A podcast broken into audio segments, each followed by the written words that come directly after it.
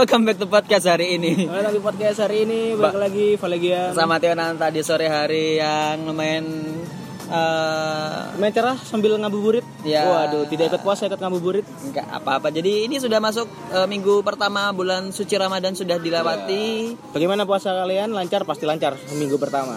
Seminggu pertama lancar. Ya, seminggu pertama. Seminggu pertama orang berlomba-lomba Hari, per- hari pertama terawih masih abnormal sepi. Oh iya. Ya, Kleris sepi, beberapa tempat makan eh, tutup.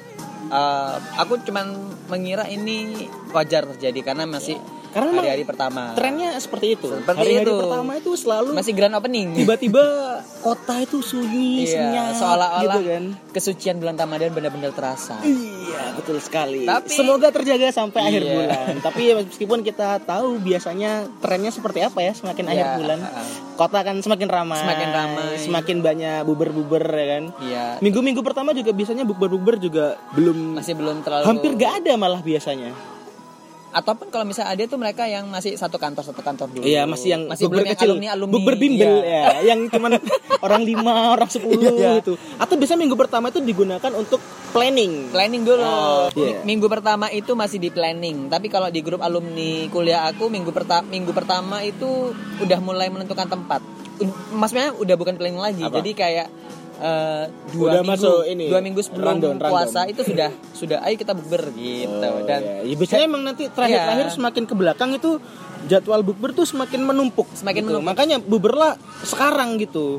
Sebelum numpuk terus bingung mau menghadiri buber yang mana gitu. Tapi kalau kata aku ada beberapa tipe bukber. men. Yang Gimana, pertama gimana, itu dari sebelum masuk puasa gitu ya, sebelum masuk bulan puasa gimana itu sebelum puasa udah buber? sebelum puasa di, di planning. Oh, planning. Iya, memasuki bulan puasa semakin matang. Mm-mm. Minggu kedua semakin sepi peminat di Hmm, grup. iya. Minggu ketiga sampai dengan hari raya akhirnya tidak terjadi apa-apa. Iya, memang selalu seperti itu siklusnya. Itu yang pertama. Siklusnya. Itu yang pertama. Atau yang kedua. Gimana gimana yang kedua? Yang kedua kalau aku se- sesuai dengan pengalaman pribadi aku ya. Mm.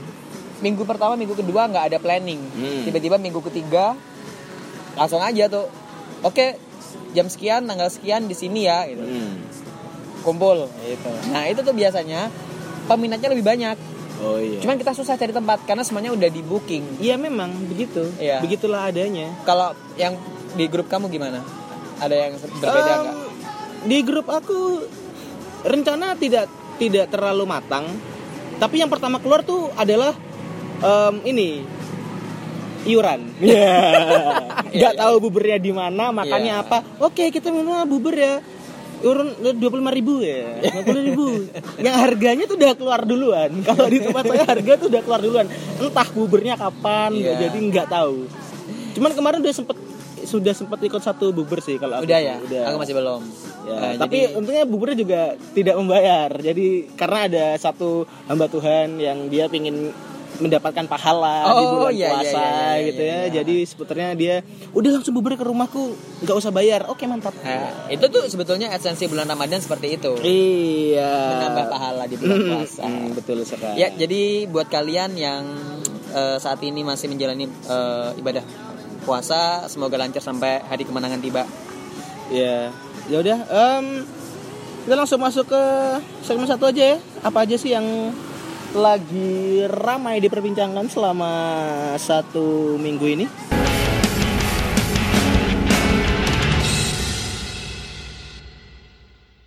Yang pertama adanya rumor bahwasanya tiket pesawat mahal. Bukan rumor, ini udah sempat jadi hashtag. Udah jadi Ya, hashtag. jadi kemarin tuh sempat gede hashtag tiket pesawat tidak mahal gitu. Kenapa ada hashtag tiket- pesawat tidak mahal? Karena tiket pesawat mahal.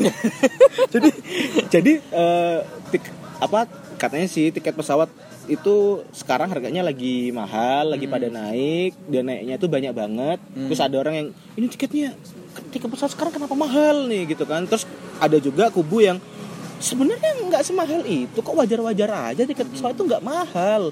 Karena emang kemarin kita udah sering ke karena kita kemarin kebiasaan pakai harga promo sekarang kena harga normal jadi eh, ini jadi kerasa mahal. Sebenarnya emang normal segitu kalau tiket pesawat kalau tiket pesawat harga kemarin kan kita juga jadi nggak aman perjalanannya gitu segala macem gitu Atau tipe yang ketiga. gimana gimana Nggak ada yang namanya tiket mahal, yang adanya kita yang miskin. nah memang itu juga bisa jadi Oh, kita kan nggak kita nggak akan bahas apakah tiket pesawat itu mahal atau tidak, kenapa ini bisa terjadi, Apa apa, hubungannya dengan eh, Dengan rezim ini dengan rezim ini kita kita nggak usah ngomong itu karena kita tidak qualified di situ. Tidak qualified. Kita sampai kepada diskusi ini aja.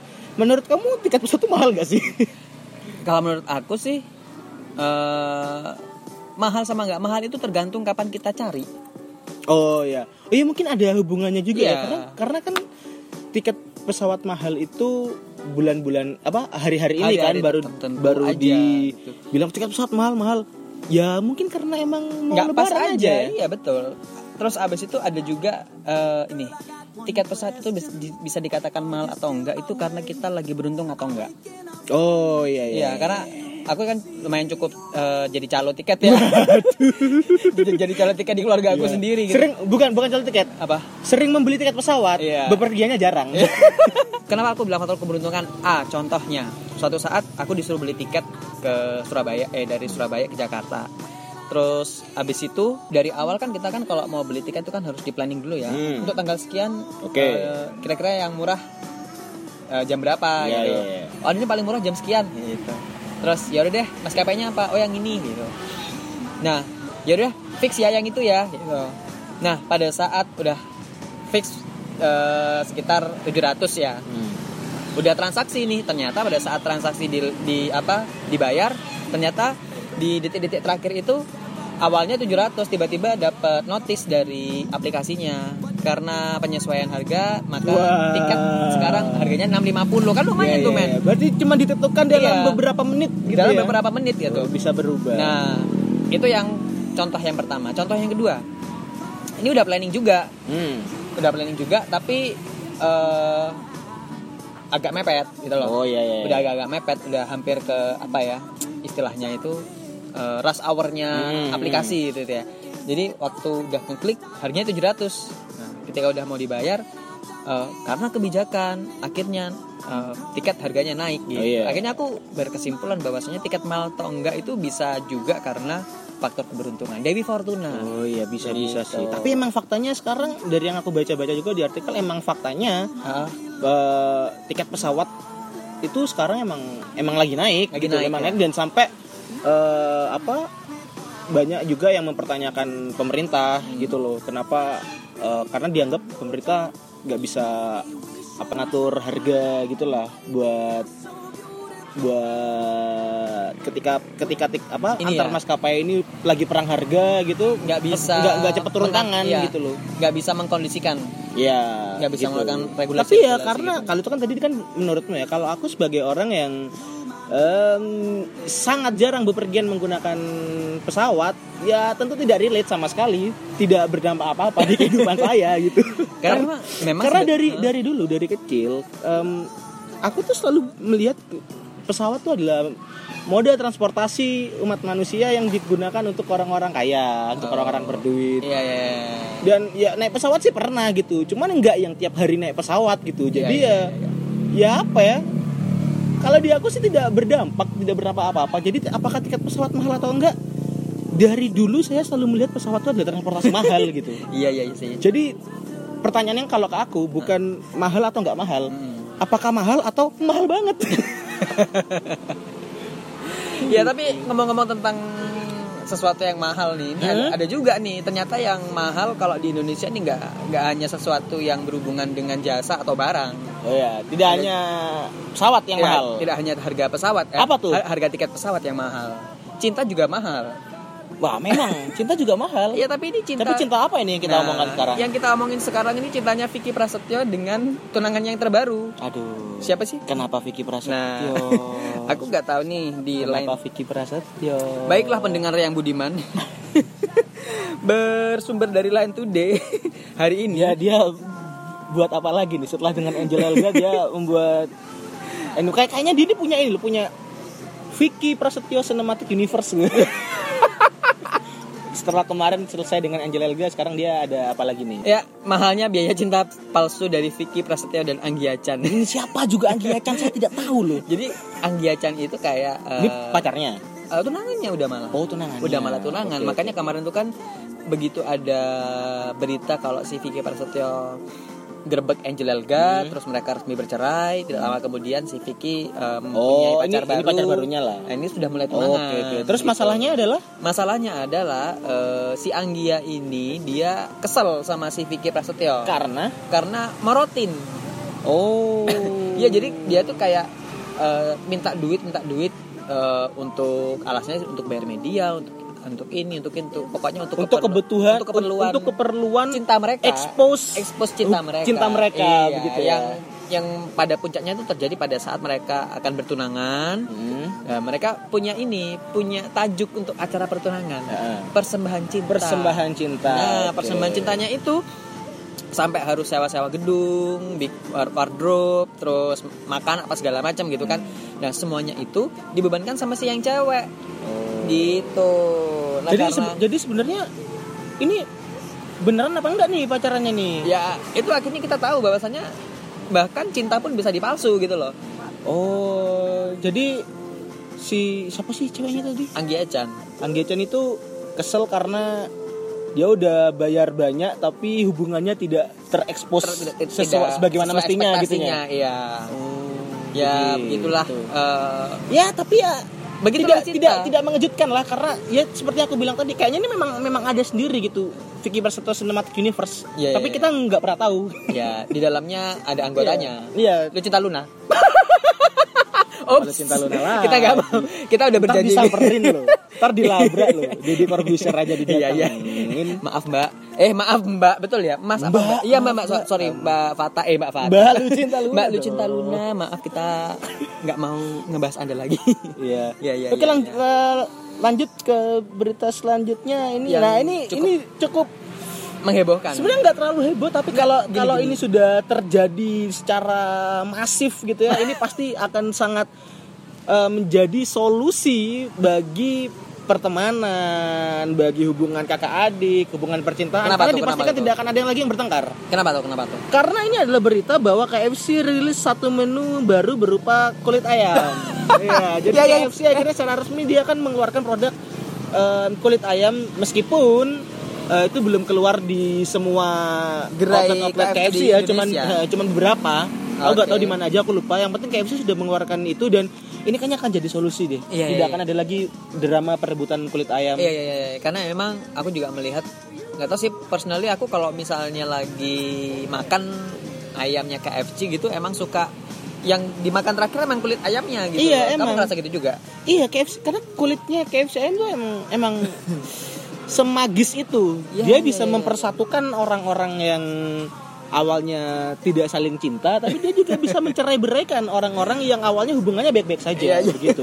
Sudah sudah banyak sekali cerita orang putus karena tidak mau berbagi kulit ayam. Iya, iya betul betul. Dan betul. banyak juga cerita eh, akhirnya eh, sepasang suami istri menikah karena dulu suaminya merelakan kulit ayamnya untuk dimakan istrinya. Dimakan istrinya. Nah, itu itu memang Tapi sih, sedalam iya, itu iya, iya. sih. Ini bahkan kabar gembira ini juga sempat dirilis sama Line, Line Today loh ini. Kenapa? Kenapa? kenapa? Ya itu Line Today mengatakan nggak perlu ribut nggak perlu rebutan lagi KFC Indonesia luncurkan menu kulit ayam Nah goreng. iya memang bener itu jadi ya menurut saya sih KFC itu agak terlambat sih untuk menyadari tren ini Iya, ya. tapi, ya nggak apa-apa okay lah. lah. Karena apa-apa. memang eh, menurut salah satu saudara sepupu saya yang dia ini apa sama yang saat ini sedang menggeluti pendidikan filsafat. Mm-mm. Ini termasuk eh, dasar dari keilmuan filsafat seperti ini. apa tuh? Menangkap sesuatu eh, realit eh menangkap suatu apa ya? fakta-fakta Hmm. yang dianggap biasa tapi sebenarnya dia tuh bermakna gitu loh. Oh iya, iya, iya, ngerti, Iya. ngerti, ngerti. Sebenarnya sebenarnya itu biasa aja, Biasa tapi aja. bisa dikemas dalam bentuk yang lebih bisa lebih menjual lah Lebih kalau menjual, dalam iya. marketing, Dan bisa iya, memunculkan berba- berbagai macam teori-teori. Iya. Iya kan? Iya, makanya. Hanya karena kulit ayam loh. Iya. Yaudah kita berdoa semoga KFC segera meluncurkan produk ini ke semua outlet KFC di seluruh muka bumi. Iya. Oke berita selanjutnya terakhir ini sebenarnya agak segmented ya beritanya, tapi ini emang cukup segmented karena aku personally aku nggak bisa nggak bisa ngomong banyak untuk topik Ya, yang ketiga ini. ya. Tapi berita ini perlu diangkat untuk bridging ke topik kita. Oh gitu. Oh, iya. Jadi ceritanya Coba coba coba gimana gimana gimana ceritanya? eh, mungkin sebag- eh, sebagian besar hampir semua laki-laki sebenarnya tahu ya dan semua pecinta sepak bola ya nggak cuma laki sih sebenarnya Iya. bahwa Liverpool kemarin baru saja gagal menjadi juara Liga Inggris Ya ya. Ol- eh, karena Liga Inggris juaranya adalah Manchester City di mana Oke. penentuan juara penentuan juara Liga Inggris itu ditentukan di laga terakhir gitu. Ah. Jadi Manchester City waktu itu kemarin ngelawan lawan Brighton terus si Liverpool melawan em, ini Watford eh Wolves lawan Wolves. Ya, jadi terus, eh, jadi mereka cuman selisih dua poin gitu. Terus kalau siap kalau misalnya Liverpool menang Manchester City kalah yang juara adalah Liverpool dan kalau misalnya City yang menang Liverpool kalah yang juara ya Manchester City gitu. Oh. Sederhananya kayak gitulah. Oke, iya, iya. dan akhirnya yang juara Manchester City gitu. Jadi nah, oke, jadi akhirnya Manchester City juara juara juara juara juara di Liga Inggris. Nah, yang menjadi perbincangan di seluruh Oke, dunia tunggu aku mau tanya dulu. Ini antara Manchester City sama Liverpool yang jahat yang mana? nggak ada yang jahat dong. Sepak bola tidak ada yang Oh, jahat. nggak ada yang jahat. Nggak ada. Oh, kirain katanya kalau, kalau ada pertanyaan. Gak ada lah. Iya, jadi jadi yang yang membuat ini menghebohkan adalah Liverpool ini sudah puasa gelar juara itu sudah hampir 30 tahun gitu loh. Dan Liverpool ini ketika dipegang sama pelatihnya yang sekarang sama Jurgen Klopp, mereka itu udah merasakan momen-momen hampir juara gitu udah beberapa kali gitu dan sebelumnya pun juga mereka udah pernah hampir juara juga dan juga sama skenario nya apa kalah di gagal di menit di pertandingan pertandingan terakhir hampir. hampir Selalu hampir gitu. menjadi Selalu juara. hampir menjadi juara dan kegagalan mereka di tahun ini itu akhirnya juga kembali memunculkan eh, apa ya olok-olok wah, dari rival-rivalnya yang lain Hujatan Iya, daripada rival. ha, karena ya Liverpool tetap tetap gak juara tetap puasa ada yang puasa itu 30 hari bukan 30 tahun waduh itu ada juga cuman cuman yang yang buat aku mengherankan Ah. banyak yang mencela Liverpool ini adalah eh, mencela kegagalan Liverpool jadi juara Premier League ya Hmm. itu adalah fans dari Manchester United gitu fans MU Oh. nah Itu menurut betul. menurut sejarahnya memang ini sih MU dengan Liverpool itu kan memang tidak berhubungan baik ya fansnya Ini ya? rival karena mereka rival Jadi gitu. kalau kalau di Indonesia kayak Persebaya sama Arema gitu ya. ya bisa jadi Oke, terus, terus. gitu rival MU sama Liverpool itu emang rival sih fansnya gitu dan fans MU ini kayak yang paling semangat gitu untuk ngata-ngatain Liverpool Hmm. tidak jadi juara gitu kan tapi masalahnya MU ini dia ini di Liga Inggris itu ada di- adalah di peringkat ke-6 Hmm. begitu. Sementara Liverpool dengan Manchester City itu mereka berlomba-lomba untuk juara Liga. Liverpool dengan Tottenham itu mereka berlomba-lomba untuk juara Liga Champions gitu kan, sama-sama masuk final. Bahkan Chelsea sama Arsenal pun mereka juga lagi ada di dalam final eh, Liga Eropa gitu. Hmm. Sama semuanya berpeluang juara, cuman MU aja yang dia itu tidak tidak berpeluang juara di mana-mana gitu. mana-mana. Tapi mereka masih mampu untuk ngatain. ngatain dari Liverpool kalau mereka gagal juara. nah, berita ini ini yang memancing kita eh, menjadi bridging ya untuk Iya. masuk ke main topik kita, kita. tentang kebencian. Ada apa sih dengan kebencian gitu? kita langsung masuk saja ke segmen dua.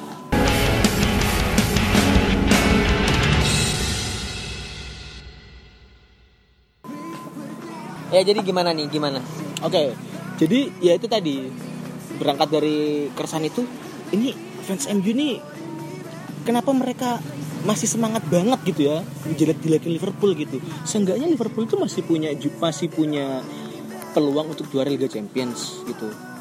Pun juga kalaupun mereka nggak juara, mereka juga runner up di Liga Inggris dan Liga Champions. Sementara MU enggak gitu loh, enggak di mana-mana. Nah, setelah aku pikir-pikir lagi, karena karena kan emang fans eh, apa MU dengan Liverpool kan rival kan la- lama dari dulu dan sebenarnya ya jamak sih di dunia sepak bola ad- pasti ada lah klub A rival dengan klub B klub B dengan klub C gitu biasa nah terus ketika aku mikir-mikir lagi sebenarnya kayak gini tuh eh didasarkan oleh karena kebencian kan? Iya, iya. maksudnya eh, aku melihat hal-hal seperti ini itu di berbagai kejadian lain bahwa dampak dari ketidaksukaan atau kebencian itu em, kenapa bisa menginfluence orang begitu besar tidak sebesar dampak yang diberikan oleh misalnya eh, berita-berita positif gitu atau berita-berita tentang cinta atau sesuatu yang menyentuh hati gitu. Maksudnya gini kan sering terjadi kan kayak akhir-akhir inilah eh, selebriti atau mungkin youtuber atau selebgram atau apa gitu yang mereka misalnya kena masalah gitu misalnya ya. Nggak tahu masalah menyinggung orang lain kah atau bikin konten yang negatif lah atau apa pun itu gitu. Yang masalahnya itu sebenarnya nggak seberapa gede cuman kecil aja.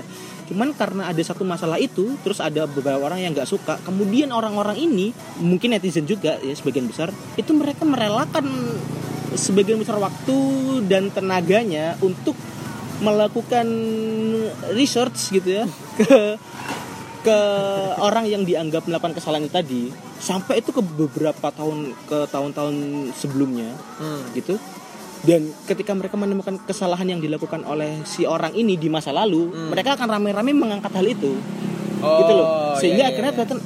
orang oh iya dia dulu Dia pernah melakukan gitu. kesalahan ini ya gitu nah ketika itu kebuka orang makin banyak lagi yang mencari cara tahu kesalahan dia di masa lalu yang sebenarnya di masa lalu ketika dia melakukan kesalahan itu tidak ada yang mempermasalahkan sama sekali Iya, gitu loh iya, iya, jadi iya. akhirnya dari masalah yang kecil itu jadi kebuka jadi tambah besar tambah besar tambah besar tambah besar karena ada orang-orang yang mau meluangkan waktunya untuk mencari kesalahan-kesalahan seseorang di masa lalu nah Oh iya iya. yang aku heran kenapa reaksi kayak gini tuh nggak terjadi untuk berita-berita yang positif gitu Hmm. kalaupun terjadi dampaknya nggak sebesar yang negatif gitu kayak misal ada berita misal ada berita yang positif gitu tentang seseorang ya ada si A melakukan hal positif atau hal yang baik gitu. Hmm. terus itu kayaknya nggak pernah tuh orang orang terus melihat berita itu oh iya ya dia kok baik banget ya orangnya ya. Terus mencari-cari kebaikan-kebaikannya dia di tahun-tahun sebelumnya di masa-masa sebelumnya untuk kemudian di up lagi di masa sekarang gitu. Kayaknya yang kayak gitu itu cuma terjadi di untuk masalah kebencian aja itu kenapa aku nggak tahu tuh Itu kayak aku jadi inget ini deh. em, perjalanan hidupnya si hari ini. waduh tahu banget hari ini ya Enggak sih, karena emang kan ya udah deh contoh Ya, yang paling gampang Syahrini, iya, oke. contohnya Gimana paling tuh? gampang adalah Gimana Syahrini gitu kan ya. Hmm. Ketika kemarin eh bukan perseteruan sih istilahnya pernikahan Syahrini dengan si Reno Barat Hmm. itu kan memunculkan berbagai macam eh, gosip-gosip yang ya kebenarannya macam rumor lah iya, kebenarannya juga belum tentu belum tentu Benar. bener gitu kan jadi itu kan kayak akhirnya dianggap Syahrini Syahrini ini kayak merebut si Rino Barat Ya. gitu kan. terus eh, di masa masa ketika Syahrini ini menikah akhirnya kan muncul berbagai macam eh, berita ya seperti kata tadi kayak kamu bilang itu Oh, yang yang dulu dulu di Iya, gitu.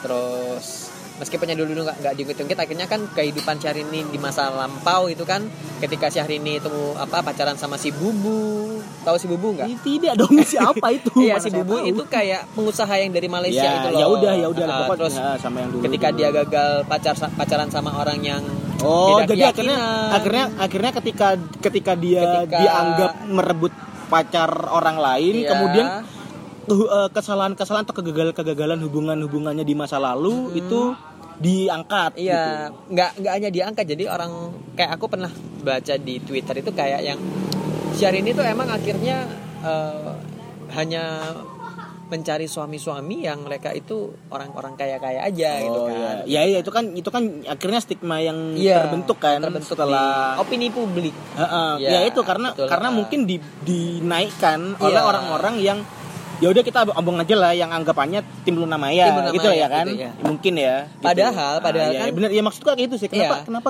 kebencian itu bisa sampai kayak gitu Padahal kalau misalnya misalnya nih ya, Hmm. ketika si Syahrini mendapatkan Reno Barak sebagai suaminya, itu Hmm. kan harusnya kalau orang yang berpositif thinking nih, Hmm.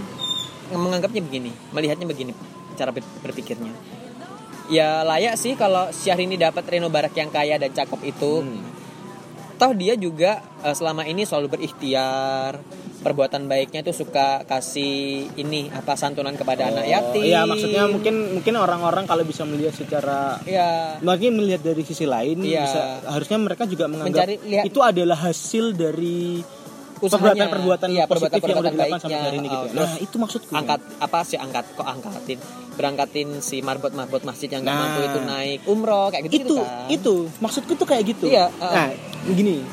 Jadi em, oke, let's say karena tadi kamu udah mention Syahrini ya, kita ngomongin Syahrini aja sementara. ya Eh, jadi itu tadi misal karena Syahrini udah karena Syahrini itu em, dia menikah dengan Rano Barak yang notabene adalah mantannya Luna Maya yang adalah Hmm. sahabatnya Hmm. Syahrini sendiri Hmm. gitu orang-orang yang nggak suka dengan ini akhirnya mereka em, itu ya seperti yang kamu bilang tadi kan yo Syahrini emang sebenarnya dari dulu gini nih sukanya cari pacar orang kaya memang Hmm, ya kan hmm. Eh, pacar gini gini gini gitu nah orang itu mau mencari itu gitu kan padahal di sisi lain sebenarnya seperti yang kamu bilang tadi Syahrini sebenarnya dia juga ini kan melakukan apa santunan gitu. Misalnya Ya. ke anak yatim ya kan? Yatim. nah. tiap tahun loh itu. Nah makanya nah itu kan tapi kan nggak semua orang tahu. Nggak semua orang Gitu. tahu. Nah, dan nggak semua orang mau mencari tahu. Nah itu masalahnya. Itu yang aku heran. Kenapa? Jadi misal ketika Syahrini pacaran dengan mantan sahabatnya Orang rame-rame mencari kesalahan-kesalahan dia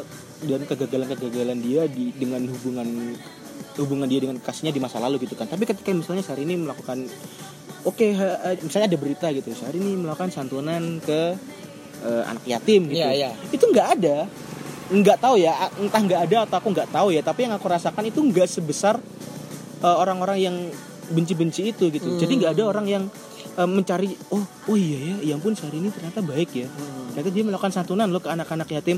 Eh, se- selain selain melakukan kesantunan ke anak yatim, perbuatan baik lain apa sih yang sebenarnya dia lakukan? Itu orang nggak nyari tahu gitu loh. Ya sih, Kalaupun orang tersentuh dengan peristiwa itu, ya udah dia cuman mengekspos em, tentang satu event itu aja gitu loh. Nggak nggak nggak yang belakang-belakang sebelum-sebelum itu nggak nggak tahu ya nggak naik juga ke permukaan gitu beda beda kasusnya dengan masalah kebencian ini gitu ya kalau tapi kan kalau menurut aku sih emang pada dasarnya manusia itu suka melakukan dosa sih dosa itu nikmat men? Ya emang. Makanya Emang- lebih suka mencari kejelekan daripada kebaikan orang. Iya ya. Tapi karena gini loh menurutku tuh ya kita nggak mungkin lah bisa bisa hidup apa ya cuman baik aja gitu Hmm. atau jelek aja. Hmm. nah menurutku tuh ya kita harus jalan berdampingan gitu Iya. dua-duanya gitu kan. Karena- jadi eh, maksudku tuh dalam segi apa pun orang tuh harus melihat baiknya jeleknya. Iya. Positifnya negatifnya gitu loh. Iya. nah kalau misalnya dengan kebiasaan-kebiasaan yang mungkin selama ini kita lakukan gitu misalnya kita nggak suka sama sesuatu kemudian kita langsung mencari tahu oh, selain ini dia udah melakukan kejelekan apa lagi sih? gitu. Kita kita mau meluangkan waktu untuk itu. Maksudku tuh kenapa kita juga nggak mau meluangkan hal yang sama untuk kebaikan gitu? Ketika Iya. kita merasa tersentuh dengan kebaikan orang atau kita melihat suatu hal yang indah gitu ya yang positif banget gitu ya harusnya kita juga mencari kebaikan-kebaikan yang lain juga yang dilakukan sama orang ini maksudku tuh ya biar positif dan negatif itu berimbang gitu loh. Hmm.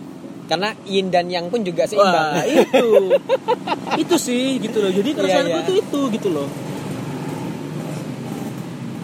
Ya Allah ramai banget. Terus masuk kesimpulan? Iya jadi kayaknya sih itu.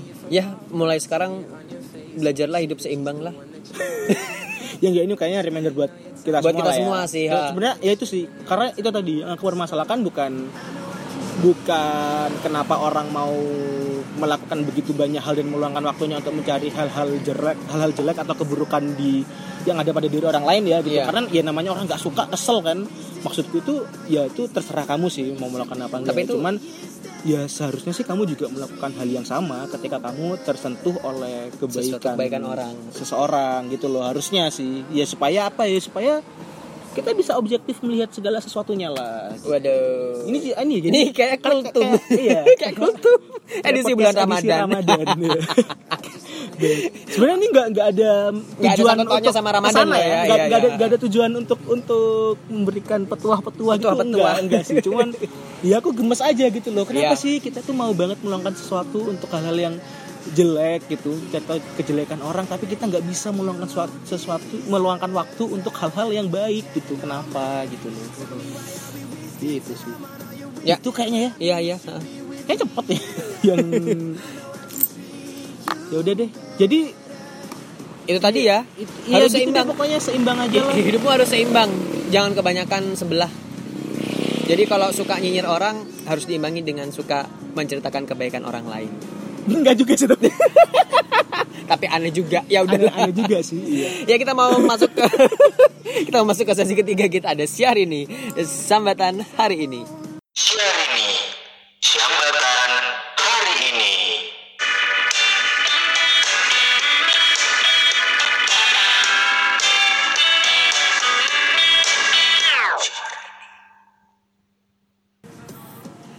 Ya, Oke, sambatan hari ini sambatan hari ini ada ada satu. Satu. Iya. Ya, nggak Jadi kita apa-apa. udah mulai mulai harus mencari ini deh apa segmen-segmen baru ya. Iya, kayaknya kalau misalnya ini lagi sepi gitu kita keluarkan segmen baru aja. Ya. Jadi sambatannya apa ini dari datang dari Oke. mana? Datang dari seseorang Dari Cewek, cowok? seorang hmm, cewek. cewek ya. Iya. Kayaknya emang yang paling banyak sambatnya ini cewek-cewek deh. Iya, nggak tahu. Nggak gitu? tahu apakah podcast ini yang mendengarkan Cuman cewek-cewek doang cewek-cewek, gitu. nggak tahu sih. atau Tapi cuman ya atau cuman yang dengerin cowok tuh cuman si Ical doang gitu kan. Kita nggak tahu. Iya, iya. Atau mungkin cowok-cowok males mau sambat karena mungkin takut terlihat fragile. Wah. Atau- Gak apa-apa. Cowok-cowok Ya. kalian sambat sambat lah nggak apa-apa. Aku tahu, aku tahu kenapa kok cowok-cowok nggak mau sambat di podcast. Kenapa? Mereka eh, sambatnya ke cerminan laki-laki. Apa tuh? Itu mindat itu loh. Hah? Mindat. Oh ini si siapa? Iya. master itu loh yang ada master-master itu loh. Tahu iya iya Iya, iya tahu nggak Si sih? Siapa? Cerminan cerminan pria apa apa gitu loh. Iya. Lupa. Iya, ada itu ada. Ya mungkin Instagram ya? Iya Instagram. ya mungkin pria-pria pria itu larinya ke sono. Iya mungkin. Ke sini juga nggak apa-apa karena ini juga Mindat-mindat juga di sini. kalian ini juga anonimus kok tenang aja. Kamu kamu apa kalian nggak akan dibahas. ya, oke. Oke, kita langsung masuk aja ke sambatannya ya. Oke, aku mau sambat nih. Jadi gini ceritanya. Ada temanku mau minjem laptop ke aku. Terus dia bilang, "Aku tunggu di kosan." Ya udah, aku antar laptopku ke ke kosannya. Beberapa hari setelahnya aku butuh laptopku dan setelah aku chat dia bilang kalau masih di luar. Oke, aku bilang besok aja. Terus dia bilang kalau besok mau pulang. Pulang Oh, pulang ke ke rumahnya, ke kotanya Si karena dia, karena dia kan yang ngekos. pinjem. Ya, yang Ya. pinjem ini. Ya, karena dia kan ngekos ya. Ya udah aku bilang besok aja. Terus dia bilang kalau besok mau pulang dan kalau aku butuh laptopku disuruh ngambil aja ke kosannya soalnya teman kamarnya nggak pulang. Oh, ada temen kam, Hmm. temen kosnya. Lah, itu kan laptopku. Dia yang butuh, aku yang nganterin. Aku juga yang suruh ngambil ke kosannya. Ini aku yang terlalu baik apa dia yang nggak tahu diri? Tapi ini nih eh, relate juga sih dengan kehidupan masa kini. iya, Di mana ada orang butuh duit, Hah? dia melas-melas banget kalau lagi mau pinjem, sampai kita kasih duit, begitu kita butuh Hmm. Begitu duitnya, kita begitu kita tagih, dia yang sok galak. dia yang galak. Justru dia yang galak. Iya, sama kayak misalnya kita di jalan raya ya Iya, kan, lagi ha. naik motor, lagi berkendara, kemudian kita ditabrak, kita keluar marah, yang lebih jahat dia, yang nabrak. yang nabrak. Iya. Iya, iya, iya. Ya, ya. Nah itu kenapa ya? Tapi kalau kalau pertanyaannya dia kan nanya kan, ini aku yang terlalu baik atau dia yang nggak tahu diri? Eh jawabanku ya dua-duanya sih. Kamu terlalu baik dan dia nggak tahu diri. gitu. Betul banget. Cuma masalahnya kan karena kamu emang lagi butuh laptop kan. Iya. Gitu. Ya masa kamu mau ini sih? Masa kamu mau apa ya? Ya udah itu kan dia yang minjem ya udah biarin aku nggak butuh. Iya kan itu laptop anda gitu Iya. ya kan. Tapi ya mungkin ya nggak apa-apa sih untuk sekarang karena kepepet ya ya udah kamu aja yang ambil tapi ya Iya. udah selanjutnya nggak usah dipinjemin lagi Iya, gitu iya itu pembelajaran selanjutnya. iya sih Jangan sampai kamu jatuh di lubang yang sama anakku. iya bener karena karena emang orang terlalu baik itu juga sering Dimanfaatin, dimanfaatkan. iya. kayaknya mungkin karena dia karena si yang ngasih laptop ini terlalu baik mungkin ya terlalu iya. baik akhirnya membuat yang minjem ini jadi nggak tahu diri. Nggak tahu diri Nah, juga, gitu. Iya. karena ya dia kan orangnya baik udah nggak apa-apa pasti nggak apa-apa pasti nggak masalah kok. Ya udahlah gitu. Kayaknya gitu. Iya. nah mungkin itu. Ini kejadiannya kapan? nggak tahu. Eh, nggak tahu kejadiannya kapan. Sambatannya kan hari Jumat. oh iya ya sambatannya hari Jumat. Kalau misalnya kejadiannya masih eh, kurang dari seminggu, Hmm. Ya udahlah ikhlasin. Toh bulan suci ramadan kan? Apanya ditutup laptopnya diiklasin enggak ikhlasin aja peri- perilakunya dia kayak gitu. Oh, jadi karena memang masih memasuki bulan suci ramadan ya ya udahlah ikhlasin aja perbuatan dia.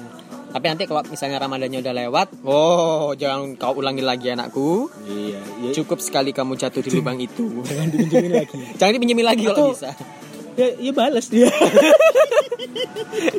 Jangan jangan jangan jangan kalau ntar kalau misalnya dibalas gini ya udah kan kamu yang butuh kamu yang ke sini. Oke udah diambil. Ntar Ya. kalau kamu yang butuh lagi kamu tetap kamu yang disuruh ke situ gitu kan. Iya. Mending nggak usah dipinjemin lagi gitu. Iya sih benar juga. Ya ini kayaknya juga berlaku di buat ya itu Semua tadi sih kayak tadi iya. ya masalah minjemin duit Minjemin gitu duit, ya terus- itu itu paling sering sih minjemin Iya, duit ya terus nabrakin motor orang. Jadi kalau mumpung di bulan Ramadan kamu aja yang nabrakin. ya jangan dong Enggak ya. aja dong tidak dong Iya, ya yang iya, penting iya, iya. jangan terlalu baik karena terlalu baik bisa membuat orang tidak tahu diri Iya. gitu kan karena segala sesuatu yang berlebihan itu tidak baik Iya, meskipun betul. itu baik Iya, oke. Dan terlalu baik membuat kamu akan diputus orang. Atau gagal jadian Gagal jadian karena kamu terlalu baik ya. Iya, itu. iya, iya, iya. Itu dia yang bisa kami sampaikan buat kamu yang sambat hari ini. Terima kasih buat semuanya yang udah dengerin podcast hari Oke, ini. sampai jumpa di podcast Sampai hari jumpa di podcast Selanjutnya, berikutnya. Selamat berpuasa juga. Bye.